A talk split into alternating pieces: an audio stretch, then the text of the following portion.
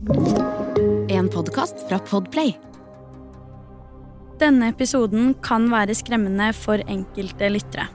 Om du er yngre eller sensitiv, bør du lytte til episoden med en voksen du stoler på, eller skru av.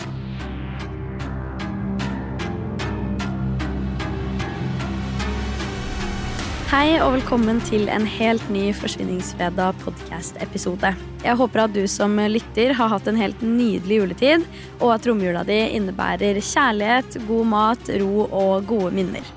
Saken jeg skal ta for meg i denne tirsdagens episode, er en sak der mange har spekulert i hvordan man kunne unngått at noe sånt som det her skulle skje.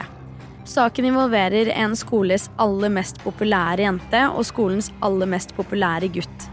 Fra utsiden ser forholdet deres ut til å være helt perfekt, og flere på skolen har til og med uttalt at de så opp til dem. Hva er egentlig sannheten bak fasaden hos dette såkalte it-paret? La meg fortelle deg historien om Emma Walker.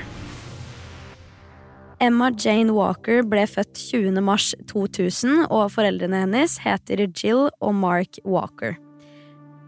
Emma hadde også en lillebror som het Evan, og sammen med familien sin bodde Emma i Knoxville i Tennessee. Hun var blond, hadde blå øyne, var atletisk bygd og hadde et smil alle rundt henne kommenterte i positiv forstand.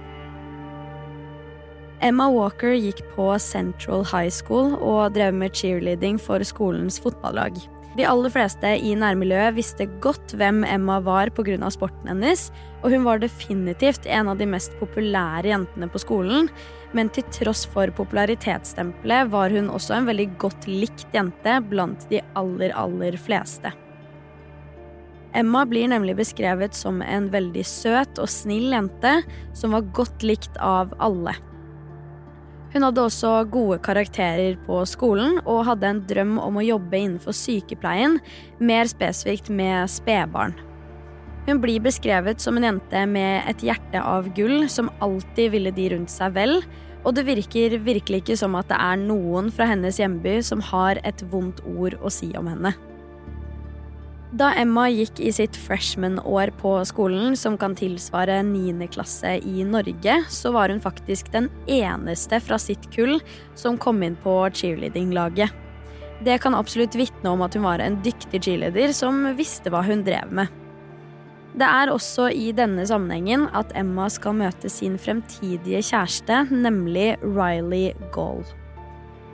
Han spilte nemlig på skolens fotballag, og i likhet med Emma var han også en veldig populær og godt likt fyr, som i tillegg hadde gode karakterer på skolen. De to hadde helt ufattelig mange likheter, de delte de samme interessene og lignende.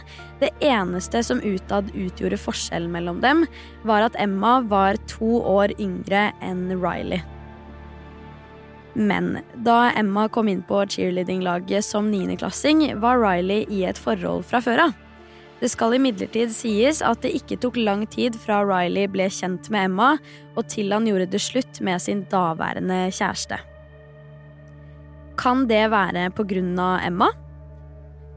Uavhengig av det ble uansett Emma og Riley etter hvert kjærester, og til og med også skolens it-par, som veldig mange så opp til på skolen. Denne tidligere kjæresten er vi nødt til å snakke litt mer om. Fordi selv om han gjorde det slutt med eksen sin, trolig for å kunne date Emma, så hadde han likevel lova eksen sin å ta henne med på skoleballet samme året. Da han fortalte dette til Emma, hadde han forklart det akkurat sånn som det var, og så hadde han sagt at han kunne jo ta med henne på skoleballet neste år i stedet. Jeg vet ikke helt med deg, men personlig hadde jeg jo virkelig ansett det her som et litt rødt flagg. Man burde jo ta med seg sin faktiske kjæreste på sånne ting. Jeg og sikkert flere av dere som lytter, er heldigvis ikke de eneste til å reagere på det her, for også Emma selv ble ufattelig lei seg og opprørt av dette. Også Emmas foreldre anså dette som et rødt flagg, og det gjorde naturligvis at de fra det tidspunktet av ble veldig skeptiske til han og også forholdet deres, noe som i grunn er forståelig. Etter hvert begynte forholdet til Emma og Riley å få litt flere problemer. Det var krangling ofte, men ting gikk veldig opp og ned. Forholdet mellom de to var enten perfekt eller helt forferdelig. Det var sjeldent noen mellomting. Enkelte kilder skal også ha det til at de faktisk gjorde det slutt flere ganger, men at de gikk tilbake til hverandre hver gang. Angivelig var det også sånn at hver gang det var Emma som gjorde slutt med Riley, så truet han henne med å ta sitt eget liv, og han var veldig frekk og spydig mot henne i meldinger som han sendte til henne. Sett utenfra er jo dette her bare helt ufattelig giftig for begge parter. Dette push and pull-forholdet til Emma og Riley pågikk i rundt to år, i hvert fall frem til Emma var 16 og Riley hadde fylt 18. En av vennene til Emma beskriver forholdet deres på følgende måte. Det var aldri som det ideelle forholdet, hvor man behandler hverandre med respekt. Jeg følte at hun fortjente bedre gjennom hele forholdet deres. Våren 2016 går Riley ut av videregående og skulle nå begynne på en høyskole som lå rundt en halvtimes tid unna der Emma bodde. Til tross for at en halvtime i det store bildet virkelig ikke er langt, så var det nå Emma og Riley stadig besøkte hverandre mindre og mindre, og lettere nedprioriterte hverandre. I et avstandsforhold anser man jo gjerne det her som noe negativt, men foreldrene til Emma var ikke annet enn glade for det her. De mente nemlig det var positivt at Emma fikk andre impulser enn kjæresten sin, spesielt fordi de hadde sett en hel rekke røde flagg som Emma selv ikke nødvendigvis hadde sett. Ting med Riley hadde faktisk gått såpass langt at han i oktober 2016 ender opp med å få besøksforbud til adressen der Emma bodde. Dette var visstnok fordi at foreldrene så hvor giftig dette forholdet var for datteren deres, og dette var jo da deres måte å hjelpe Emma på, men fungerer det kanskje litt mer imot sin hensikt? Dette gjorde nemlig at Riley og Emma nå begynner å snakke om å planlegge måter å møtes på på en litt mer kreativ måte, slik at foreldrene til Emma ikke fant ut av det. En hendelse fra slutten av oktober 2016 gjør imidlertid at Emma blir pågrepet av politiet fordi hun er mindreårig. Det som hadde skjedd, var at Riley og Emma hadde møttes i bilen til Riley og tatt en kjøretur. Etter hvert hadde de stoppa i en oppkjørsel der de som bodde der, hadde ringt politiet fordi de syntes at dette så veldig mystisk ut, noe som er veldig forståelig. Hvem som helst hadde jo reagert om en fremmed bil sto på gårdsplassen, så fordi Emma på tidspunktet var mindreårig, så var politiet plikta til å kontakte foreldrene hennes som et resultat av arresten. Dette igjen gjør at Emma får husarrest fordi foreldrene hennes på ingen måte aksepterer det her, og spesielt ikke sammen med personen som nylig hadde fått besøksforbud. Foreldrene inngikk da en avtale med Emma om at hun kun hadde lov til å gå ut av huset når hun hadde enten jobb eller skole. Utover det så skulle hun være hjemme, og det var ingen unntak. I tillegg til det fikk hun begrensa tilgang til telefonen sin. Den kvelden Emma ble pågrepet, trodde nemlig foreldrene hennes at hun skulle sove over hos en venninne, men de fant jo ut da politiet kontakta dem, at hun ikke gjorde det. På toppen av det så var hun jo da med Riley i tillegg, så det var jo to veldig åpenbare grunner til at Emma fikk så streng straff for det her. Som du skjønner, så tar virkelig foreldrene til Emma grep nå da for å sikre at ting går bra med henne, og at hun ikke lenger skal ha kontakt med Riley. De så definitivt noe som hun ikke så. Rundt en ukes tid etter pågripelsen forstår Emma at hun er nødt til å gjøre det slutt med Riley, og denne gangen for godt. Hun ønska imidlertid å gjøre det gradvis, tatt i betraktning disse nye reglene fra foreldrene hennes, men etter hvert kom beskjeden om at hun gjorde det slutt med han. Riley tok dette bruddet helt ekstremt dårlig, og faktisk resulterer det i at han forsøker å ta sitt eget liv men heldigvis overlever han dette forsøket. 18.11.2016 vinner laget til Riley en fotballkamp, og det er nå duka for etterfest med alle cheerleadere, fotballspillere og de som måtte ønske å komme. Emma hadde fremdeles de samme reglene fra foreldrene sine, men etter at hun hadde gjort det slutt med Riley, hadde foreldrene merka at det generelt hadde vært mye bedre stemning med Emma i hus. Hun hadde gjort det mye bedre på skolen, og hun hadde vært veldig pliktoppfyllende. Disse tingene gjorde at Emma fikk lov til å dra på denne festen, ettersom at alle andre skulle dit, og de mente at hun endelig hadde forstått alvoret. Denne festen skulle vise seg å bli en helt annen for Emma Walker. I løpet av kvelden mottar Emma en rekke meldinger fra et skjult nummer som forteller at de har en person hun er glad i, og at de kommer til å skade denne personen dersom Emma ikke gjør noe. Meldingene lød cirka som dette. Vi har han nå. Om du ikke bryr deg om han lenger, bør det ikke plage deg. Ring politiet, og han er død. Ditt valg. Om du vil høre hans siste skrik, ring meg. Han er i en grøft ved siden av huset. Det er en skam at du uten videre slutter å sette pris på noens liv.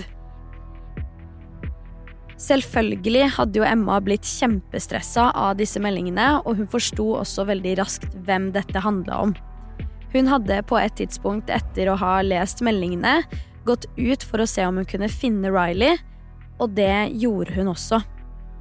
Emma beveger seg nedover i oppkjørselen og titter litt ekstra i buskene på siden. Helt nederst finner hun Riley iført mørke klær, og det så ut til at han gjemte seg. Han sier at han er kjempeforvirra og forklarer at han er blitt kidnappa.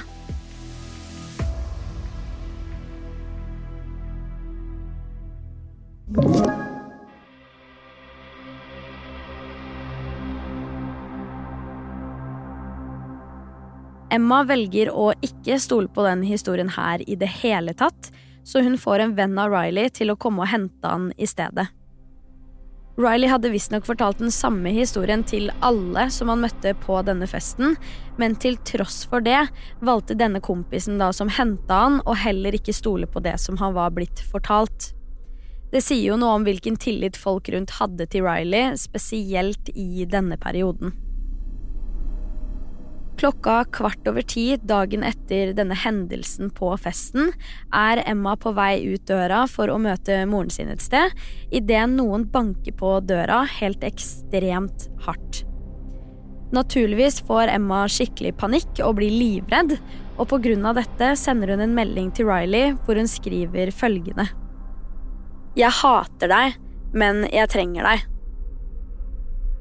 Dette gjør at Riley kommer hjem til Emma, og de to ender opp med å sitte rett utenfor huset og bare snakke sammen, de to.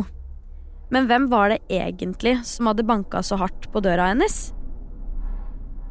Etter hvert som moren til Emma har venta en god stund på henne, så bestemmer hun seg for å heller dra hjem, ettersom hun ikke hadde hørt noe fra datteren sin. Det første hun blir møtt med da hun kommer hjem, er Emma og Riley som fremdeles sitter og prater på trappa. Moren ber da Riley om å gå, og dette velger han å respektere, så han går fra stedet umiddelbart. Den aktuelle helgen hadde det skjedd så mange ubehagelige hendelser for Emma, og alt sammen gjør naturligvis at foreldrene til Emma var litt ekstra beskyttende overfor datteren sin, da hun i det siste er blitt utsatt for mye som virkelig ikke høres bra ut. Til Knox News forteller Jill Walker, altså moren til Emma, følgende. Det var ikke det beste for henne, ikke det sunneste for henne som person, å være i et forhold med han. Bare tre dager etter festen der Riley har gjemt seg i en busk og også sendt en rekke ubehagelige meldinger, i tillegg til alle de andre hendelsene som skjedde i for- og etterkant, så skjer det vi alle sammen frykter i en sak som denne. Natt til 21. november 2016 hører Mark Walker, altså faren til Emma, noen rare lyder fra et eller annet sted i huset. Han tror de kommer fra rommet til Emma, men fordi han ikke er sikker, så går han rundt overalt i huset for å sjekke hvor det kan komme fra. Etter hvert kommer Mark til Emmas rom. Da han åpner døra til rommet, syns han det ser ut til at hun sover, men for å forsikre seg så spør han om hun sover eller om hun er våken. Mark Walker får null respons på det her, men det gjør at han antar at hun sover, og antar videre at han bare drømte at han hørte noen lyder eller noe i den duren. På grunn av det her går han bare og legger seg igjen, og tenker ikke så mye mer over lydene som han trodde at han hørte. På morgenen skal moren til Emma rope på henne for å vekke henne dersom hun ikke hadde hørt alarmen sin, sånn at hun skulle rekke skolen. Dette var visstnok noe hun pleide å gjøre, og moren har også forklart at Emma alltid pleide å våkne av sin egen alarm og bare svare da moren ropte på henne, og at hun da allerede var våken fra før av. Dette var imidlertid annerledes denne novemberdagen i 2016. Moren får nemlig null respons fra datteren sin. Jill Walker reagerer jo selvfølgelig på dette og bestemmer seg for å gå inn på rommet til Emma for å sjekke om hun er våken, og eventuelt vekke henne om hun fremdeles sov. Da Jill kommer inn på rommet, legger hun merke til at Emma fremdeles ligger i senga, men likevel responderer hun ikke på ting hun kanskje vanligvis ville respondert på. Moren går da bort til senga for å sjekke pulsen hennes, og oppdager raskt at Emma ikke puster i det hele tatt. Emma Jane Walker blir nå funnet død i sin egen seng på morgenen den 21. november 2016, og det skulle vise seg at det var ekskjæresten hennes, Riley Gaul, som var gjerningsmannen. Hvorfor? La meg forklare. Så fort Emma blir funnet liggende i senga, så blir politiet kontaktet umiddelbart. Emma har flere skuddskader i kroppen, og faren kan fortelle i det første avhøret at han tidligere den natten trodde at han hørte skudd. Han forteller da også dette med at han hadde stått opp i løpet av natta for å sjekke hvor disse lydene kunne komme fra. Pga. dette etterforsket politiet saken som en drapssak allerede fra starten av, da man så tidlig som på åstedet kunne konkludere med at hun ikke hadde påført seg selv disse skadene, da de ikke kunne finne noe drapsvåpen på rommet hennes. Navnet til Riley kommer opp veldig tidlig i etterforskningsfasen, rett og slett fordi han er en eks av den nå avdøde 16-åringen. Politiet har tatt inn mange personer til avhør, hvor en hel rekke av dem kan fortelle om relasjonen mellom Emma og Riley. Som du kanskje forstår ut ifra alt jeg har fortalt om forholdet deres frem til nå, så var det ikke akkurat mange som hadde en perfekt kjærlighetshistorie å komme med. Også foreldrene til Emma hadde blitt avhørt om det her, og de hadde naturligvis vært helt ærlige på absolutt alt som angikk Riley og hans involvering med datteren deres. Alle disse forklaringene fra en rekke ulike mennesker gjør at politiet får sin første og eneste mistenkte i saken, nemlig Riley Gaul. Etter hvert som de får avhørt han, så ender de opp med å sikte den 18 år gamle gutten for følgende punkter forfølgelse, overlagt drap, tyveri, tukling med bevis, hensynsløs fare eller atferd, og til slutt besittelse av skytevåpen under en farlig forbrytelse. Alle de nevnte punktene endte han også opp med å bli tiltalt for i rettssaken som ble ferdigstilt i begynnelsen av mai 2018. I forkant av drapet hadde nemlig Riley stjålet en pistol fra bestefaren sin og brukt denne som et verktøy i saken om Emma Walker. Riley har selv forklart i avhør at han hadde stilt seg i hagen til Walker-familien og sikta rett inn på soverommet til Emma, for deretter å fyre av to skudd i retning av senga til Emma. Begge disse skuddene treffer henne, og de gjør det på en sånn måte at Emma dør momentant. Den 8. mai 2018 blir Riley Gaul dømt til livstid i fengsel med en minstetid på 51 år. Det vil si at han har mulighet til å bli prøveløslatt etter å ha sittet i fengsel i 51 år, og da vil han være i 70-åra. Under domsavsigelsen i retten sier Riley følgende til Emmas familie. Jeg er lei meg for at jeg tok fra dere Emma. Min intensjon var ikke og har aldri vært fysisk skade. Jeg ville bare skremme henne. Jeg elsket Emma. Det er ikke en eneste dag som går uten at jeg tenker på henne og hva jeg har gjort. Advokaten til Riley har jo da selv også sagt i prosessen før Riley ble dømt, at hans klient kun mente å skremme henne, og at dette ikke var drap med intensjon. Han ønsket jo da bare å skremme henne fordi han ikke var fornøyd med bruddet, og at det her rett og slett skulle være en slags hevngreie.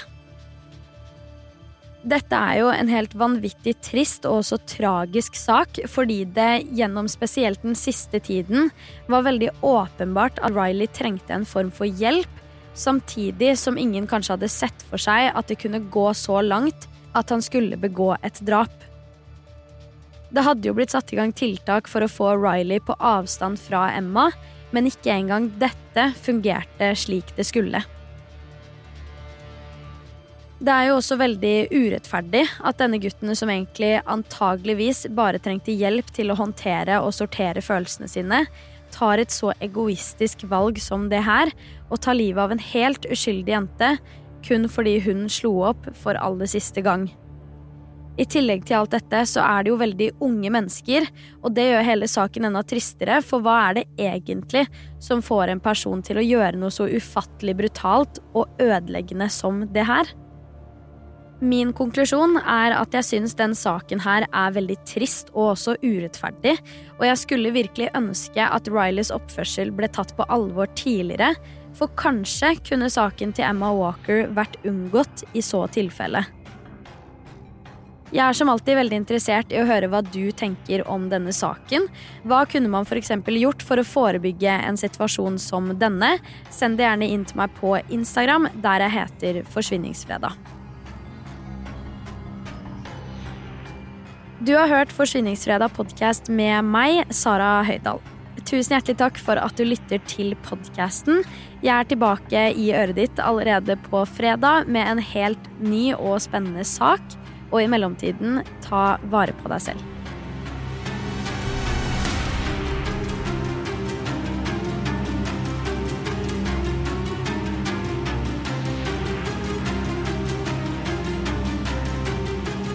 Du har hørt en podkast fra Podplay. En enklere måte å høre podkast på. Last ned appen Podplay eller se podplay.no.